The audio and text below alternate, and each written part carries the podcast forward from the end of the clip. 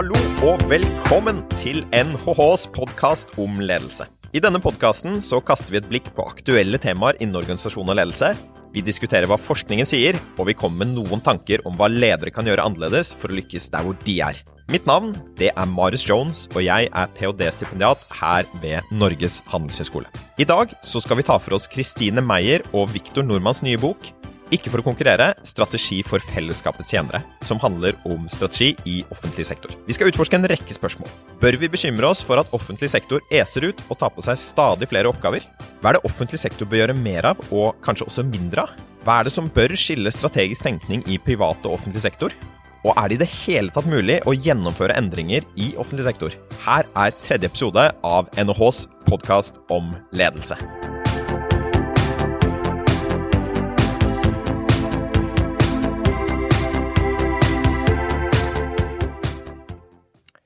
Vi snakker altså om boken Ikke for å konkurrere, strategi for fellesskapets tjenere. Og med meg har jeg selvfølgelig da bokens forfattere, Kristine Meyer og Viktor Nordmann, som, som, begge er professorer, er det ikke det, på, på NHH her? Eller emiriti og, og, professor? Jeg er i hvert fall kommet tilbake som professor, så helt klart. Ja. Og jeg har gått ut som professor på dato, men jeg er her fremdeles. Du går i gangene ennå? Går i gangene, til og med forelest i høst. Så det. Ja. Velkommen til dere, og, og stor gratulerer med ny bok. Takk skal du ha. Takk. Mm. Og så har jeg selvfølgelig med meg min faste podkastmakker Therese Sverdrup, som er førsteamanuensis og prorektor, så velkommen til deg også.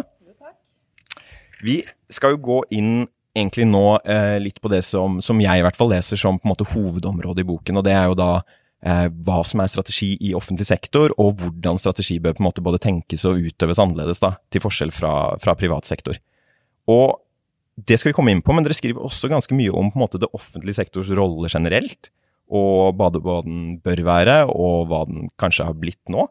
Og i hvert fall noe som jeg leser om at dere kanskje tenker at velferdsstaten har en tendens til å ese ut litt i kantene, og tynnes ut også i kjernen, da, som jeg tror vi skal komme inn på.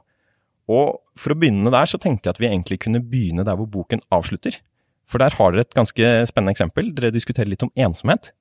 Som, eh, som jeg egentlig syns fungerer ganske godt, da, for å tenke litt rundt hva er det egentlig offentlig sektors rolle burde være. Og dere beskriver da at ensomhet er et problem som får mer og mer medieoppmerksomhet nå. Det er ganske utbredt i Norge, og det har ganske sånn store konsekvenser for de mange som rammes. Og da er det ganske mange, og jeg merker også med meg selv, da, som tenker at her må jo det offentlige komme på banen. ikke sant? De skal liksom passe på oss, her er det helse og alt mulig sånn. Eh, så det er jo naturlig at de tar den liksom, og fikser det der problemet for oss. Og det stiller dere litt sånn spørsmålstegn ved dere egentlig i, i boken. Så kan ikke dere si litt om det resonnementet der? liksom, Hva er det med eh, dette med ensomhet, og, og, hvordan bør vi tenke rundt liksom, det offentliges rolle for å løse akkurat det problemet der? Men, men, kanskje vi da skal begynne i den andre enden. Altså, det, det, er jo en grunn til at vi har det offentlige. Det er en del oppgaver som vi mener må løses i fellesskap, og vi kan komme litt tilbake til, til, eh, grunnene til det. Eh, men det at eh, vi har oppgaver som må løses i fellesskap, behøver jo ikke bety at det er oppgaver som må løses gjennom det fellesskapsorganet som heter stat eller kommune. Eh, de aller fleste problemer som har med samvirke mellom mennesker å gjøre, de løser vi på egen hånd. Altså vi, Skal vi bestemme hva vi skal ha til middag, så har vi en uh, opprivende diskusjon oss imellom. Vi kommer vanligvis frem til en løsning uten å liksom si at nå må staten komme og bestemme menyen for oss. Uh, og, og, dette selvorganiserende samfunnet, det ligger i bunn. Og de fleste av de problemene som det offentlige får ansvar for, finnes også i mindre skala uten at det blir noe offentlig ansvar.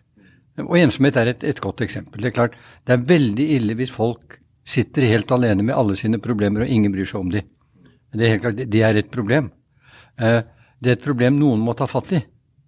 Men det er jo naturlig at man først spør hva med familie, venner, naboer, eh, medlemmer i de samme foreningene som denne personen er medlem av. Spør først om ikke Kan ikke de gjøre det? Bør ikke de gjøre det av seg selv? Og det vi vel er litt redd for, at vi i Norge har kommet til at fordi det finnes så mange gode grunner for at det offentlige skal påta seg ansvar, så er vi i ferd med å si at det betyr at det offentlige skal ta ansvar for alt. Eh, og da, da vil ikke samfunnet fungere mer. Altså Hvis det offentlige skal passe på hvordan vi går på fortauet, så, så, så, bryter systemet sammen. Og det, det, er det vi advarer mot. Vi sier ikke at vi er der i dag. Men det er det vi advarer mot, en tenkning som lett liksom sprer seg dit hen at når det offentlige tar ansvar for så mye, så må det automatisk også ta ansvar for ting de ikke tar ansvar for i dag. Det er vel det ene, og det andre er jo at vi er redd for hva skjer med kjerneoppgavene som vi ønsker at virkelig ønsker at det offentlige skal ta vare på. Politi, eh, helsevesen, eh, domstol. Eh. Vi vet det er veldig mange viktige oppgaver i dag. Og hvis vi stadig vokser i randsonen, eh, som ensomhet er et eksempel på, så vil vi da liksom få nok eh, midler til å drive kjerneoppgavene. Eh, og når vi også tar hensyn til at vi får en stor eldre generasjon som vil vokse, og som vil bety at offentlig sektor må ha mer midler tilgjengelig for den generasjonen for å ta vare på det, så blir det ikke minst viktig å ta den diskusjonen nå. Jeg syns det var litt sånn spennende egentlig at du trakk fram dette med hva vi skal spise til middag også, da. For jeg tenker jo at der, selv om, selv om det er noe som vi tenker jo, jo, det bestemmer vi selv, så, så forventer vi jo litt at staten skal ta litt ansvar der også. ikke sant? Vi har jo Vinmonopolet og ganske høye skatter og avgifter på det, f.eks., så vi ikke skal ha for mye av det ved middagsbordet. Og vi har jo også nå snakket om en sånn sukkeravgift også, ikke sant? som er tenkt på å liksom styre sånn forbruk der også. Så det er jo kanskje også et eksempel hvor vi tenker at her er det viktig at staten passer litt på oss. da. Vi er ikke helt i stand til å finne ut av det selv engang. Det, det er helt klart, og her, Men her må vi passe på det er litt forskjellige ting. Altså, det offentlige har lenge tatt et ansvar for folkehelse. Mm -hmm. eh, og det gjorde de ikke minst fordi at det er det offentlige som ofte sitter med regningen hvis, hvis folk ikke stiller seg noenlunde rimelig. Eh, og, og, det godtar vi. Men igjen er spørsmålet hvor langt skal det gå? Altså hele diskusjonen nå om eh, bærekraftig kosthold. Mm. Eh, en viktig diskusjon. Den er kanskje til og med viktig for klimaet. Den er i hvert fall litt viktig for de som deltar i diskusjonen. Eh, men og det er meget mulig at det er riktig å ha en kampanje for å, å spise mindre kjøtt, og eh, kampanje for mer salat og, og andre herlige ting. Mm. Eh, men den type ting hører naturlig hjemme i interesseorganisasjonens, ideelle organisasjoners og nabolags- og vennekrets-arenaen, ikke den offentlige arena. Mm. Det er kanskje enda bedre eksempel enn ensomhet. For, for, for, dette er altså ting som folk har sterke meninger om hva andre skal gjøre. Mm. Ja, men da får de prøve å overbevise de. Eh, ikke, ikke begynne å bruke, misbruke en flertallsmekanisme mm. til å tvinge de. Et annet eksempel igjen, sant? det er jo denne diskusjonen om eh, hvor langt skal skolen gå for å møte elevene sine. Mm. Skal de eh, hente elever som ikke kommer seg opp om morgenen? Mm. Uh, skal de sørge for at alle får skolemat når de kommer på skolen, fordi at det er noen som ikke har hatt skolemat med seg, eller hatt frokost før de kommer. Uh, skal de gå langt i å oppdra uh, barna når de kommer på skolen? Altså, dette er grenser vi må begynne å diskutere. Mm. Og jo mer det offentlige tar ansvar for, jo mer umyndiggjør du også omgivelsene rundt. Mm. Og du skyver litt sånn foreldre fra deg, du skyver frivillige organisasjoner fra deg, istedenfor å tenke på at det er ressurser mm. i samfunnet som vi kan gjøre mye, mye mer bruk av. Mm. Jeg tenker jo Dette her kommer jo egentlig ganske raskt inn på kjernen på boken, som handler jo om strategi. og Da tenker jeg det handler om prioriteringer og finne litt ut av hva man skal gjøre og hva man ikke skal gjøre også, da, som er det vi snakker om nå, egentlig. Og så, så tenker jeg at disse her forventningene til staten drives jo i stor grad av på en måte velgermassen av hva som vi, vi, som velgere tenker at eh, politikere og staten skal ta, ta ansvar for. Og, og, du viste jo en artikkel, eller Vi snakket jo litt om en artikkel Therese, som handlet om litt den her misnøyen til folk. Da, at vi er så misfornøyde med offentlig sektor. Ja, Vi satt og forberedte oss i går, og så leste vi en, en, et innlegg i Dagbladet, husker ikke akkurat forfatternavnet nå, der han skrev det at eh, om bare folk visste hvor mye staten faktisk betaler.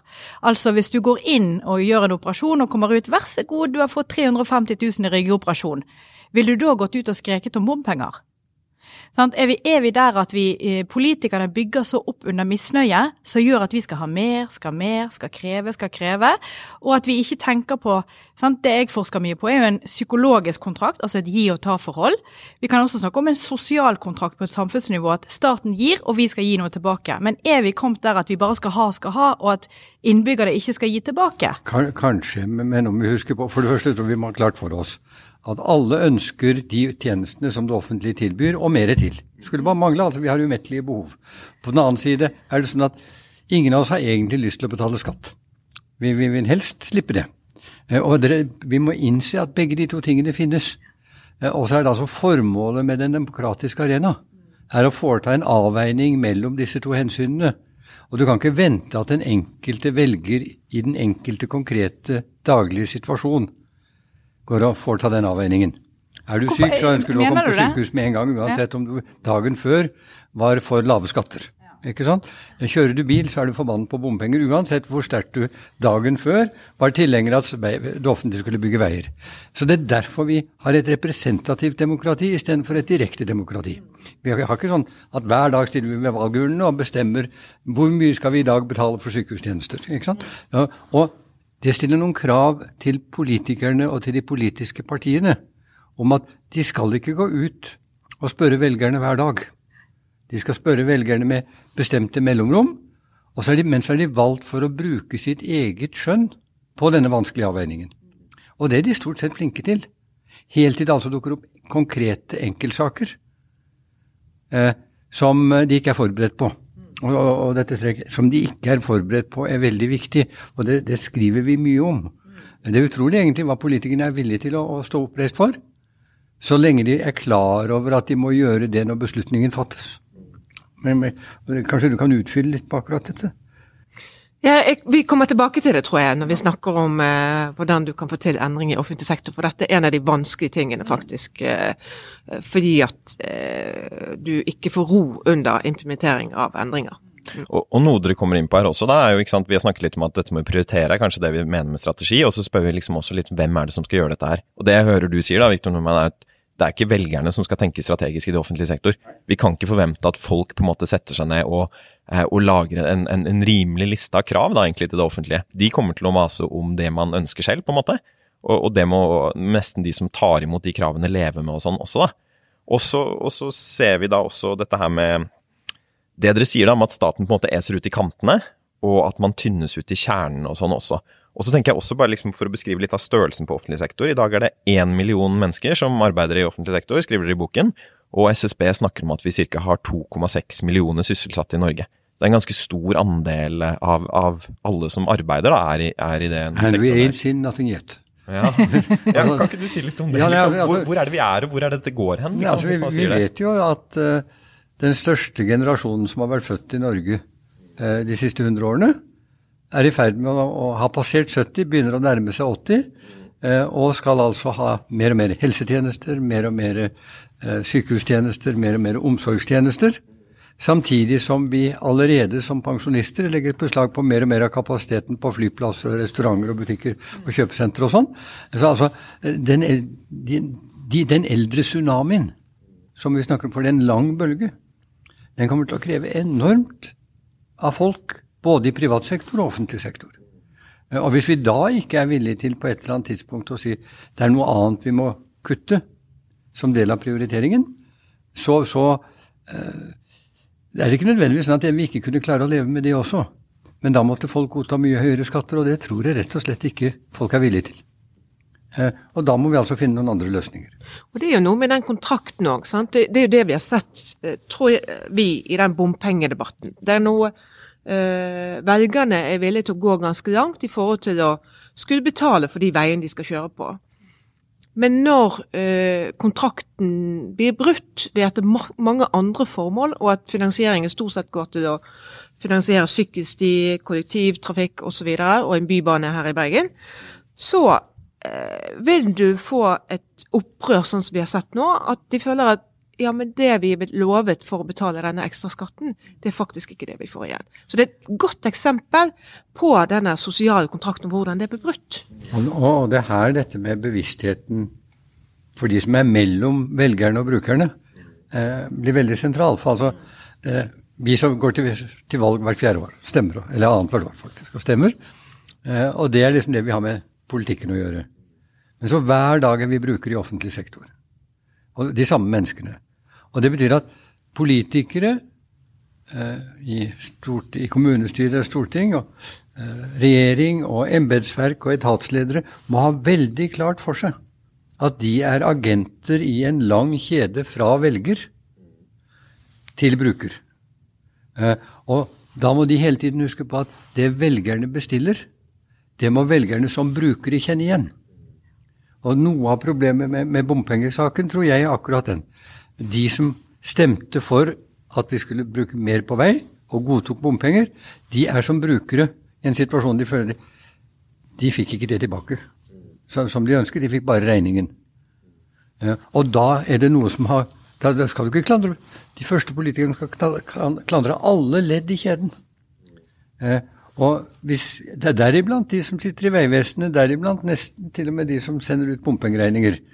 Eh, for alle ledd i kjeden må ha klart for seg at dette systemet er bare bærekraftig så lenge velgerne som brukere kjenner igjen den, de meningene de hadde da de var velgere. Og tilbake til den, eh, kaller det eksempelet jeg hadde i sted, men da hjelper det ikke at du hadde en bra riggeoperasjon som ble betalt, fordi at du, du ser ikke det opp mot bompengene. Så du sier det må være den direkte sammenligningen for at man ikke skal oppleve et brudd på den sosiale kontrakten. Ja, altså du bør, når, når du har hatt ryggoperasjonen, så bør du sitte igjen med den følelsen at dette var sikkert veldig dyrt, men du verden så godt det er at vi har dette systemet i Norge. Kan, kan vi gå litt inn på med dette med ese ut i kantene og tynnes ut i kjernen? Bare for å liksom skape et liksom bilde på det. Hva, hva er det egentlig som ligger der, og har du noen eksempler på at det, det skjer? Altså Et av de eksemplene vi har i boken, dreier seg om Konkurransetilsynet, som er et ganske godt eksempel. Eh, som eh, har i oppgave å eh, overvåke alle sektorer i Norge. Men så vet vi samtidig at det er noen sektorer som har veldig stor oppmerksomhet. Eh, en av det eh, er dagligvaresektoren, en annen er bensinpriser. Eh, og da er det av og til sånn at eierne og hele det demokratiske system liksom skriker etter Konkurransetilsynet må gjøre noe med disse markedene. Og så kommer det penger til de områdene, men ikke til kjernen. Så det som da skjer, er at ressursene på en måte da blir brukt på sektorer, eh, og noen få sektorer, mens andre sektorer som kanskje for konkurranseproblemene objektivt sett er mye større, eh, de får mye mindre ressurser. Så det er egentlig litt sånn som beskriver hva som skjer. Eh, det er mye oppmerksomhet rundt noen områder, det er interessegrupper som presser på. De får oppfylt sine ønsker. Det kommer penger til akkurat de ønskene, men så kommer det mindre penger over tid til hva som skal være kjerneoppgavene. Og kanskje det vi er spesielt eh, bekymret for, det er jo den type oppgaver som ikke til daglig har så stor oppmerksomhet. Eh, men det er også altså, de aller mest utsatte i samfunnet, som ikke nødvendigvis har noen advokater eh, eller interessegrupper som står opp for dem.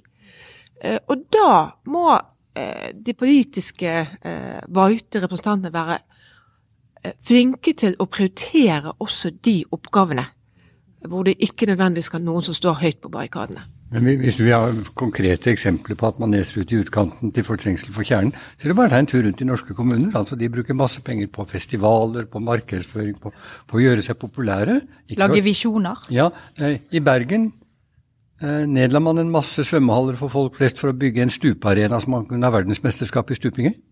Ikke sant? Det, er et eller annet, det er ikke noe galt i å lage en stupearena. Verdens flott stupearena. Men det er ikke det som er kjerneoppgaven til Bergen kommune. Kjerneoppgaven er å sørge for at innbyggerne i Bergen har gode og tjenlige tilbud. Eh, men, men eh, politikken, politikkens vesen, har jo litt sånn karakter at man skal ha noen saker man kan vise frem offentlig. Eh, og hvis den får anledning til å ta av, så blir det mye ekspansjon i utkanten. Eller hvis vi ønsker å være enda litt spissere. Eh, når Norges handelshøyskole i så stor grad satser på etter- og videreutdanning og sånn, så kan man jo bruke de beste lærerkreftene der, mens det er halvgode som meg som står igjen i Audmax, så, så, så, så er det et eller annet med at man har glemt hvorfor vi er her. Og, og det der, eh, når jeg hører dere snakker om det, så virker det jo også som det er ganske mange mekanismer som dytter oss dit nå. Fordi at det, det høres jo litt ut som at dette er en prosess som, som går, det går mot dette her i økende grad, så det var kanskje ikke sånn før også. Så, så hva er det som er på en måte blitt annerledes nå, eller hva er det som er liksom driverne av denne her eh, Altså Noe av det eh, som, som uh, har bekymret oss i ganske lang tid, er jo måten man prioriterer på. Eh, og Nå har vi jo hatt eh, en lang stund hvor man ikke har vært nødt til å prioritere så mye. Men måten man prøver å drive inn litt penger til nye prosjekter, er jo gjennom det som kalles ABE-reformen. Som betyr at man kutter, de statlige etatene i hvert fall, halvt prosent i år. Det høres jo ikke så mye ut. Eh, men hvis du har f.eks. en eh, kriminalomsorg som har behov for mer midler, eh, hvor mange bygninger står og råtner på rot, så er et halvt prosentpoeng år etter år, da blir det ganske mye penger. Og Det betyr at de ikke får prioritert, for det er andre oppgaver, eh, som f.eks. å sende asylanter ut av landet, som har fått lov å bli prioritert. Så det er slike ting eh, vi er bekymret for, og som vi roper varsko om i boken. Og det, Der hører jeg at det er litt det du sier med at, at det blir litt mindre penger. Vi, vi, før så hadde vi mer vi kunne bruke og sånn også. Så fikk jeg også inntrykk når vi var på dette bokbadet om at liksom økt politisk polarisering også er noe som, som fungerer på dette her også. Er dere, er dere enig i det? Og at, at det påvirker? Men kanskje vi skulle begynne med fragmentering. Ja. Altså vi må, vi må huske på at norsk politikk, som politikken i de fleste andre land, i veldig mange år var styrt av en konflikt mellom en arbeiderbevegelse som skulle kjempe frem rettigheter og velferdsvilkår for, for sine stemmeberettigede, og en høyreside som primært var opptatt av å, å unngå for høye skatter. Veldig veldefinert politikk. Og da, kan man si, da, da er denne konflikten, avveiningen mellom oppgaver og betaling, veldig klar og tydelig. Så har den ene siden nådd sitt mål. Sosialdemokratiet er en realitet. Eh, og den andre siden har for så vidt også nådd sitt mål, fordi vi har jo så mye oljepenger at vi kan ha lave, lave skatter samtidig. Eh, og derved så står de to tunge politiske delene av, norsk økonomi de står litt sånn og stirrer ut i luften. Eh, og da gjør også velgerne det. Og da forandrer litt av den politiske andedammen seg fra å være en kamparena mellom ideologier til å bli som shoppingsenter. Eh, hvor hvert parti kommer med sine tilbud. Vær så god, hvilken meny har du best lyst på? Eh, og helst uten å snakke om prisen. Og da er det også blitt mer og mer vanlig at man prøver å skjule prisen. Eh, en av grunnene til at vi har fått mye bompenger, en av grunnene til at vi har høye rettsgebyrer for å betale for justistjenester og sånn, er jo at det regnes ikke med i skattene. Så da kan altså en regjering si at nei, vi har lavere skatter enn noensinne. Samtidig som vi bruker mer penger, og budsjettet er i like god balanse som før. Unnskyld. Men det, her er det noe annet. Her er noen, noen skjulte skatter et eller annet sted. Eh, og det er noe av det som har skjedd, tror jeg. Og, og, da, og når samtidig da den politiske arena ja, Når det ikke er noe schwung over den eh, eh, Når liksom saken til eh, det store kamppartiet på, på venstresiden er skolefrokost det, er liksom, det, det, er ikke noe sosialdemokratisk schwung over det. Eh, så, så, begynner folk å si ok, ja, dette er en shoppingarena, la oss bare prøve å karre til oss mest mulig. Og de som byr mest, de får. Og så går hele systemet eh, av skinnene. Og det er det jeg tror er det farligste. Det er ikke størrelsen på offentlig sektor, det er ikke engang eldrebølgen. Det er det at den politiske mekanisme eh, sliter med å ha klart for seg hvorfor vi har en offentlig sektor, og hva det sier om både avgrensning og innretning av den. Mm. Men det at egentlig det kanskje opp, folk opplever at de kan få mye mer nå fra offentlig sektor, da, masse tjenester osv. Men gjør det òg at vi, vi, vi står, står, i større fare for å få mer misnøye med tjenesten også, jo mer du får kanskje, fordi at du kan oppleve ja, at eh, det, det, er ulike typer tjenester, det er brudd på de forventningene du hadde osv. Og, så og jo mer tjenester, jo mer fare for at det, den eh, ja, misnøyen oppstår. Eh, hva skjer da med tilliten til offentlig sektor? Ja, nå, nå, nå, må vi ikke overdrive. Altså, jeg, jeg, jeg, tror Hvis du tar en tur rundt på norske sykehus eller norske skoler eller norske barnehaver, ja. så er de fleste brukerne strålende fornøyd. Men politireformen, da? Ja, så da får du litt sånn tilløp til populisme som du hadde. ikke sant? Mm. Her skal du gjennomføre en vanskelig strukturreform i politiet. Mm. Eh, og så prøver du å selge det som en nærpolitireform. Ikke sant. Ja, den, da har du falt for fristelsen til å selge den på billigsalg på, ja.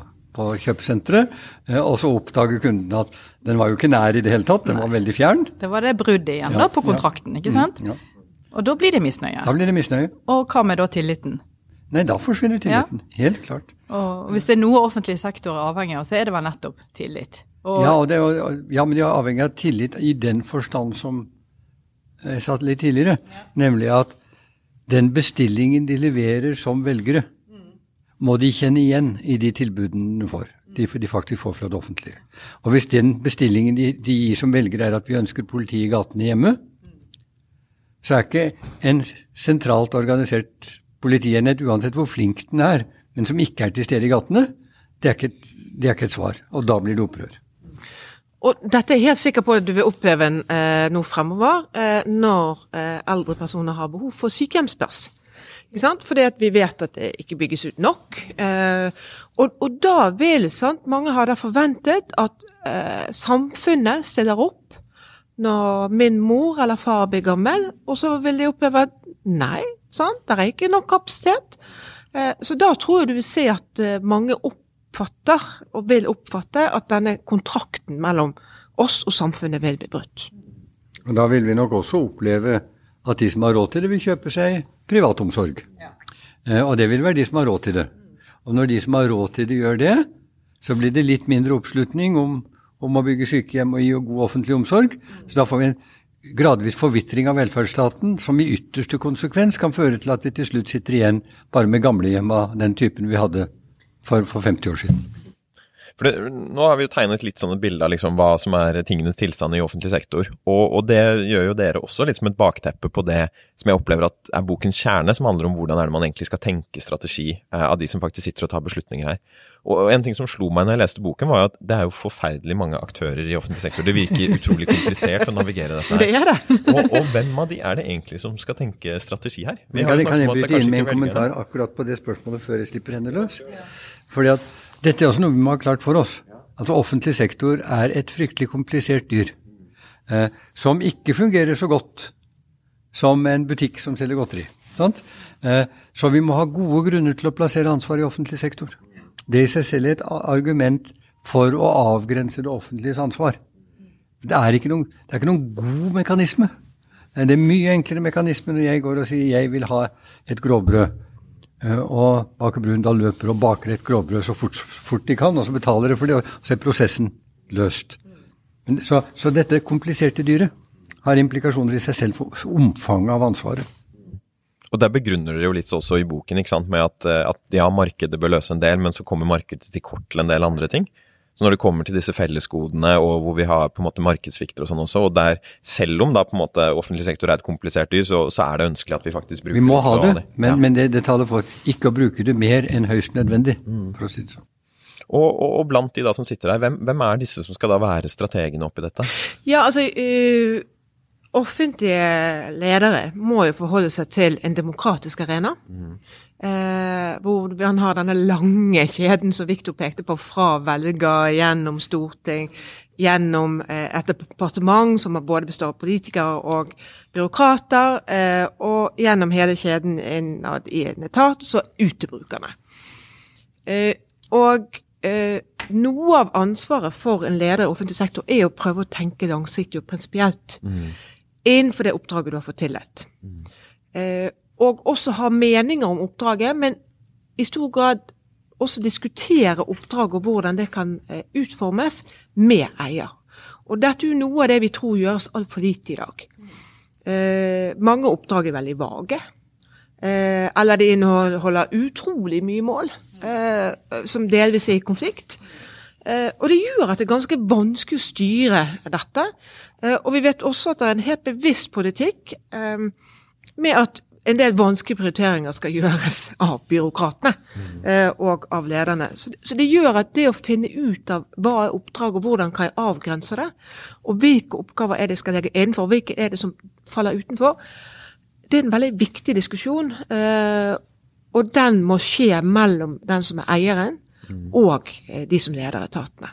Mm. Og eierne, det er da politikere, ikke sant? Som, som ja, eier vil være politikere. Og noe av det vi også sier, det hjelper for så vidt ikke bare å snakke med rådmannen eller med departementet du hører hjemme hos. Mm. Eh, vi må også få politikerne tale. Mm. Og da er vi tilbake til at en viktig grunn for det er at du ønsker å ha politikernes støtte mm. gjennom hele prosessen. Mm. Ikke bare gjennom helt i begynnelsen, men faktisk sånn at eh, når det blåser litt på toppen, det gjør det ofte i store endringer, mm. så står de støtt gjennom og støtter etaten i det man gjør.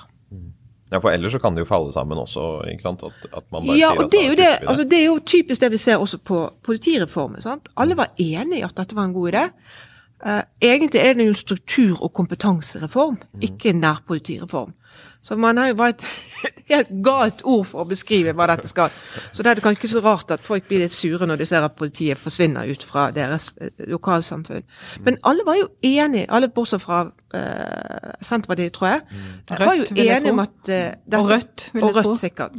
Eh, at dette var en god idé. Men så når det begynner å liksom, eh, komme litt sånn eh, negative reaksjoner, sånn, så plutselig hopper de over gjerdet og sier ja, nei, men her må vi stille spørsmål om denne reformen var sånn som vi hadde tenkt. Men jeg opplever at du peker på to viktige ting for en, en leder i offentlig sektor. Det er kompetanse, og da tenker jeg på strategisk kompetanse. Og så handlingsrom, å vite hvor er mitt handlingsrom. Og du har jo sjøl vært i det landskapet, og tilfeldigvis, eller kanskje ikke tilfeldigvis, men eh, professor i strategi, så kompetansen var jo på plass, vil vi si. Men handlingsrommet og det å manøvrere, hva, hvordan finner man ut av det?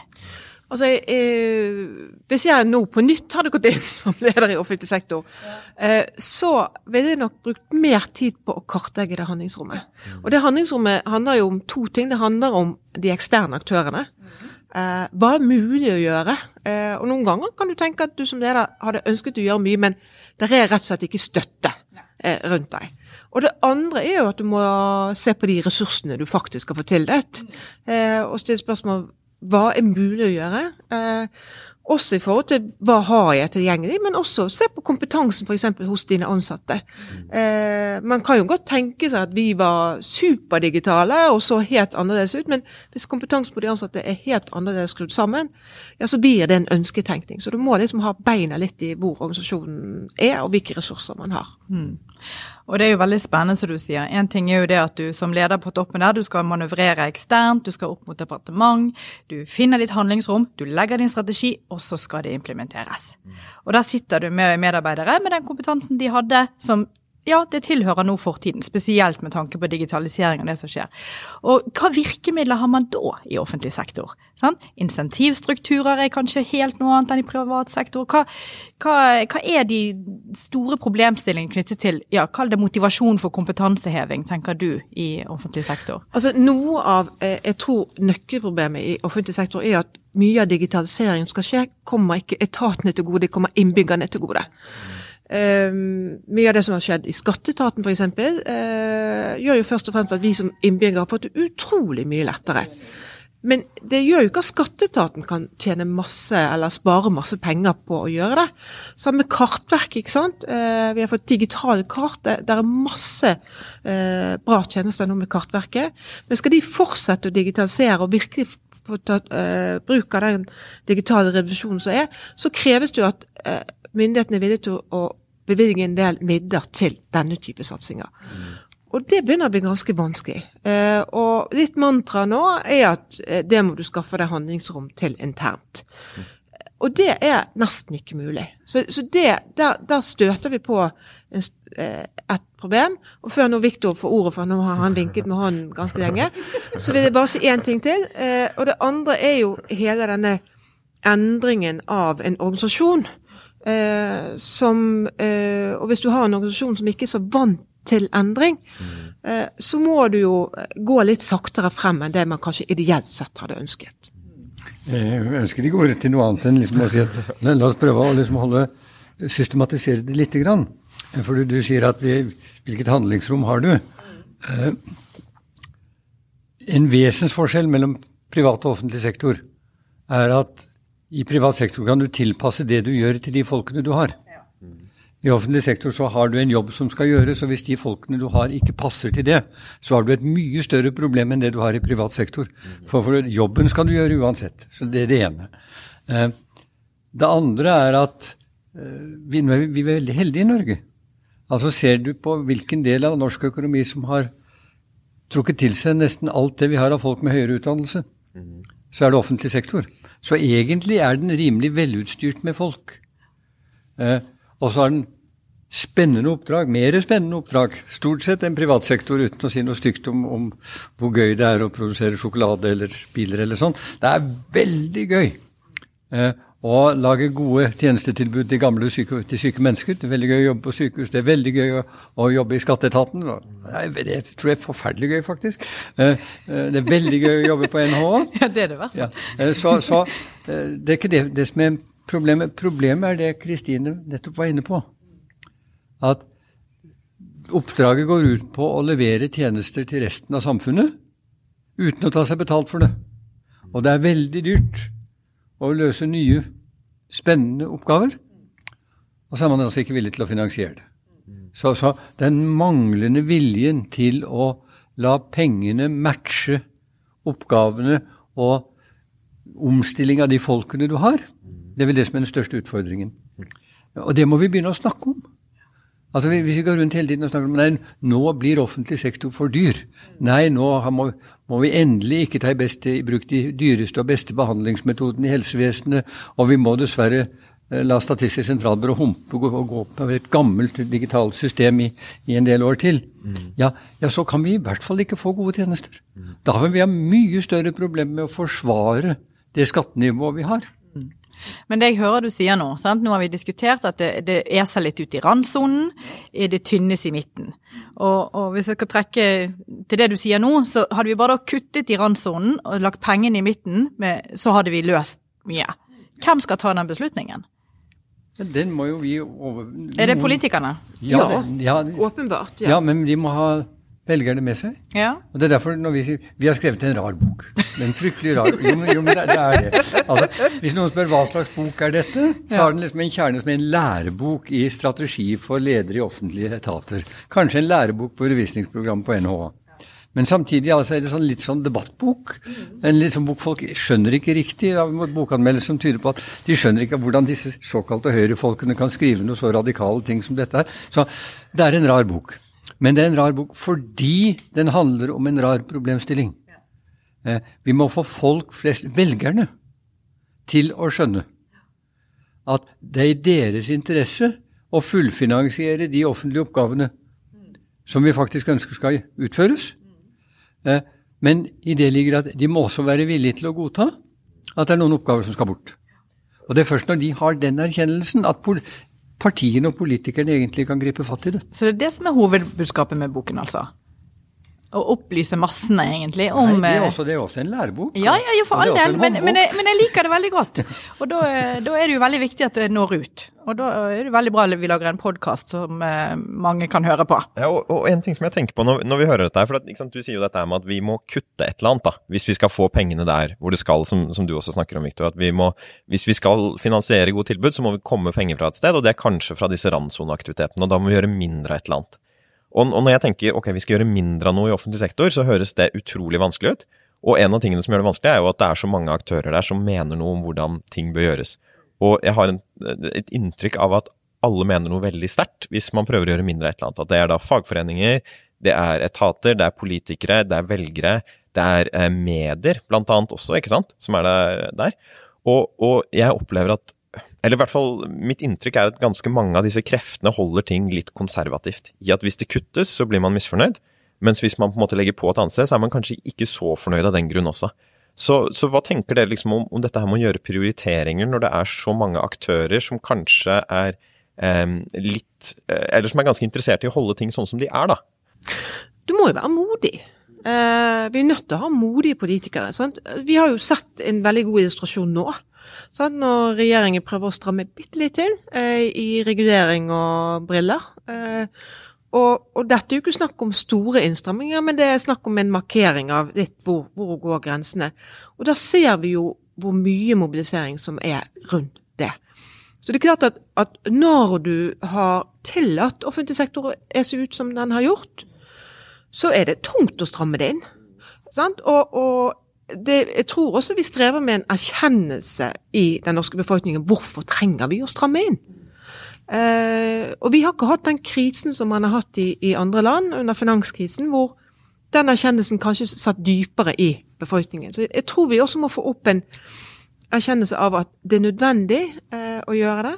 Og det som skjer i dag, er jo at eh, mange da, etater og kommuner og sånt, de prøver jo å gå ut og skaffe seg penger eh, på egen hånd til de oppgavene som oppdraget skal gjøres. Jeg, Jeg vet i, i Danmark gikk man veldig langt med å kutte i byråkratiet. og i, i uh, det danske statistikkbyrået så måtte du omtrent ta penger for møter og ta betaling for absolutt alt.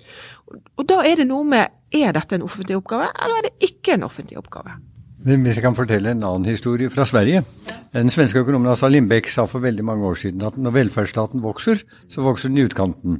Når den skal kutte, så kutter man alltid i kjernen. Eh, men hans eget svar på det, da Sverige var i alvorlige problemer på 1990-tallet, eh, og det ble nedsatt en kommisjon med Assa Lindbekk som leder, var å si at da kan ikke vi komme tilbake med et vagt svar at her er det viktig å, å kutte litt og sånn.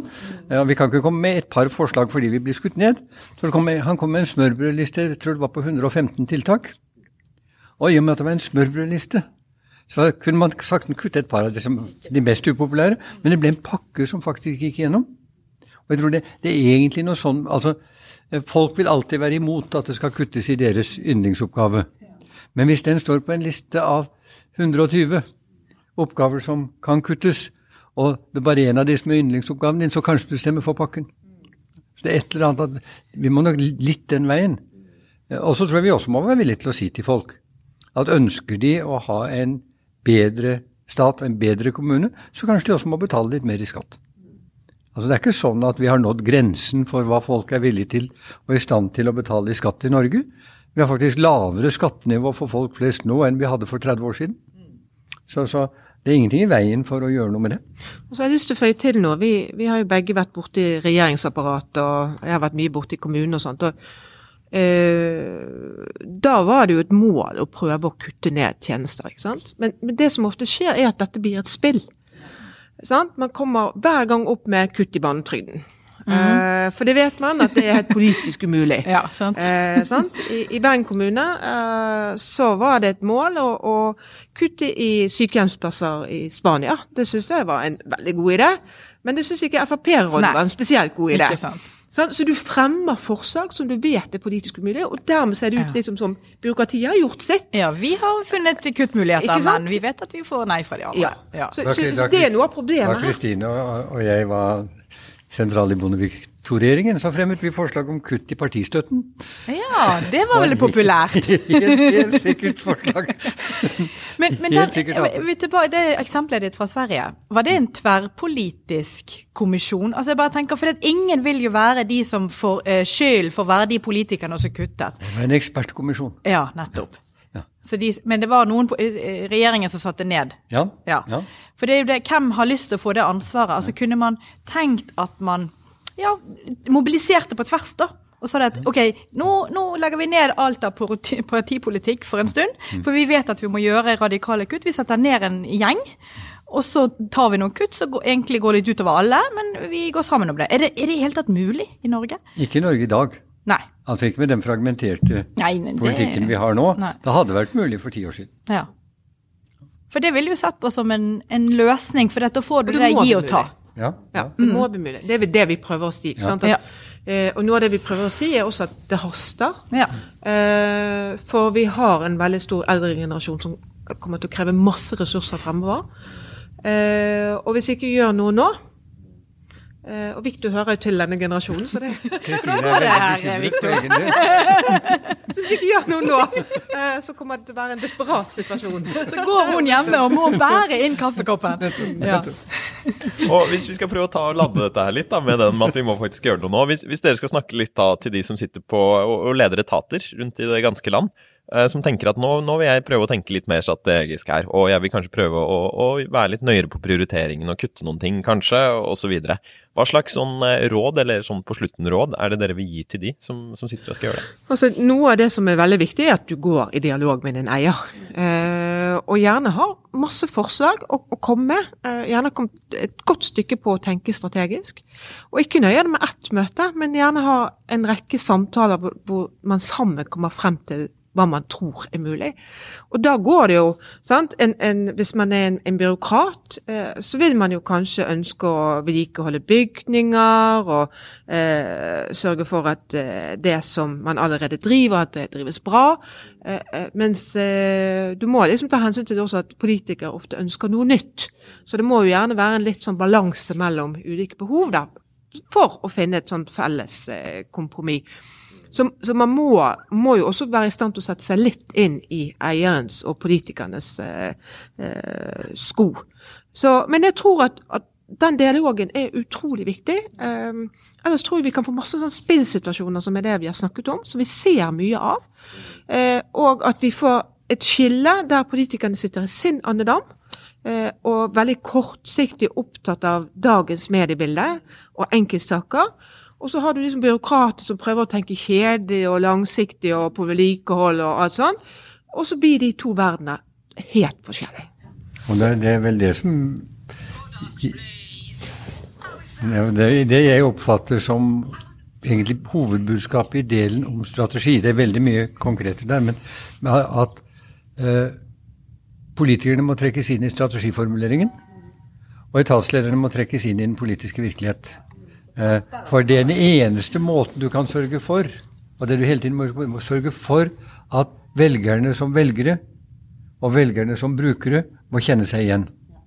Eh, det er den store sirkelen som både politikere og etatsledere må ha i hodet hele tiden. Eh, og i den forbindelse er det altså det er viktig at etatslederne ser mer oppover og kommuniserer mer med politikerne. Og det er viktig at politikerne ser mer ned i etaten og mindre bakover til, til Stortinget og, og velgere. Eh, så god dialog. Og dette har noe å gjøre med det utrolig hva man politikere kan klare å få gjennomslag for politisk. Hvis de bare kan leve med konsekvensene og kjenne konsekvensene. Eh, sånn at de ikke blir tvunget til å slå retrett fordi at det er en bruker der ute som de har glemt. For dette er jo, det jeg hører du sier da, er jo på en måte en, en, form for økt brukerorientering, men kanskje ikke helt? Kanskje økt brukerorientering for etatsledere og mindre brukerorientering for politikere? Ja, er det det det ja på, på sett og vis er det det, er det vel det vi sier. Mm. Uh, det, det, er ikke noe spor vanskelig å få selv veldig syke mennesker til å godta at vi ikke skal kjøpe verdens dyreste medisin, hvis det ikke kommer som en overraskelse. Både på politikere og på pasient den dagen det er aktuelt. Vil du uh, avslutte, Therese? Har du noen tanker om hva Nei, Jeg syns jo dette er veldig spennende. fordi at Som jeg pekte på i sted med, med strategikompetansen, handlingsromkompetanse, det å manøvrere i et landskap som er krevende. Og jeg vil jo egentlig bare si som Viktor sa i sted, heldig de som jobber i offentlig sektor. Altså, det er jo meg, forresten. Ja, det er et veldig gøy sted å være. Det er fantastisk. Herlig. Eh, tusen takk alle sammen for at dere kunne komme. Jeg håper boken eh, selger godt, både til det, måte, det offentlige som har gått å bli opplyst, og som lærebok og alt mulig annet som den kanskje skal gjøre også. Så tusen takk alle sammen for at dere kunne komme.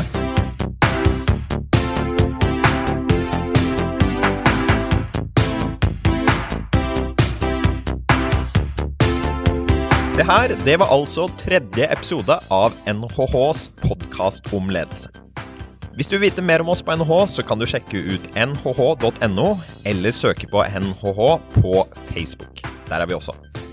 Og hvis du har innspill eller forslag eller kritikk til denne podkasten, så kan du sende en e-post til marius.jones at nhh.no, så dukker den opp i innboksen min. Så håper jeg dette var noe som var interessant å høre på, og at du vil følge oss forover. Eh, så eh, kommer vi snart med en ny episode i din podkast. Vi høres!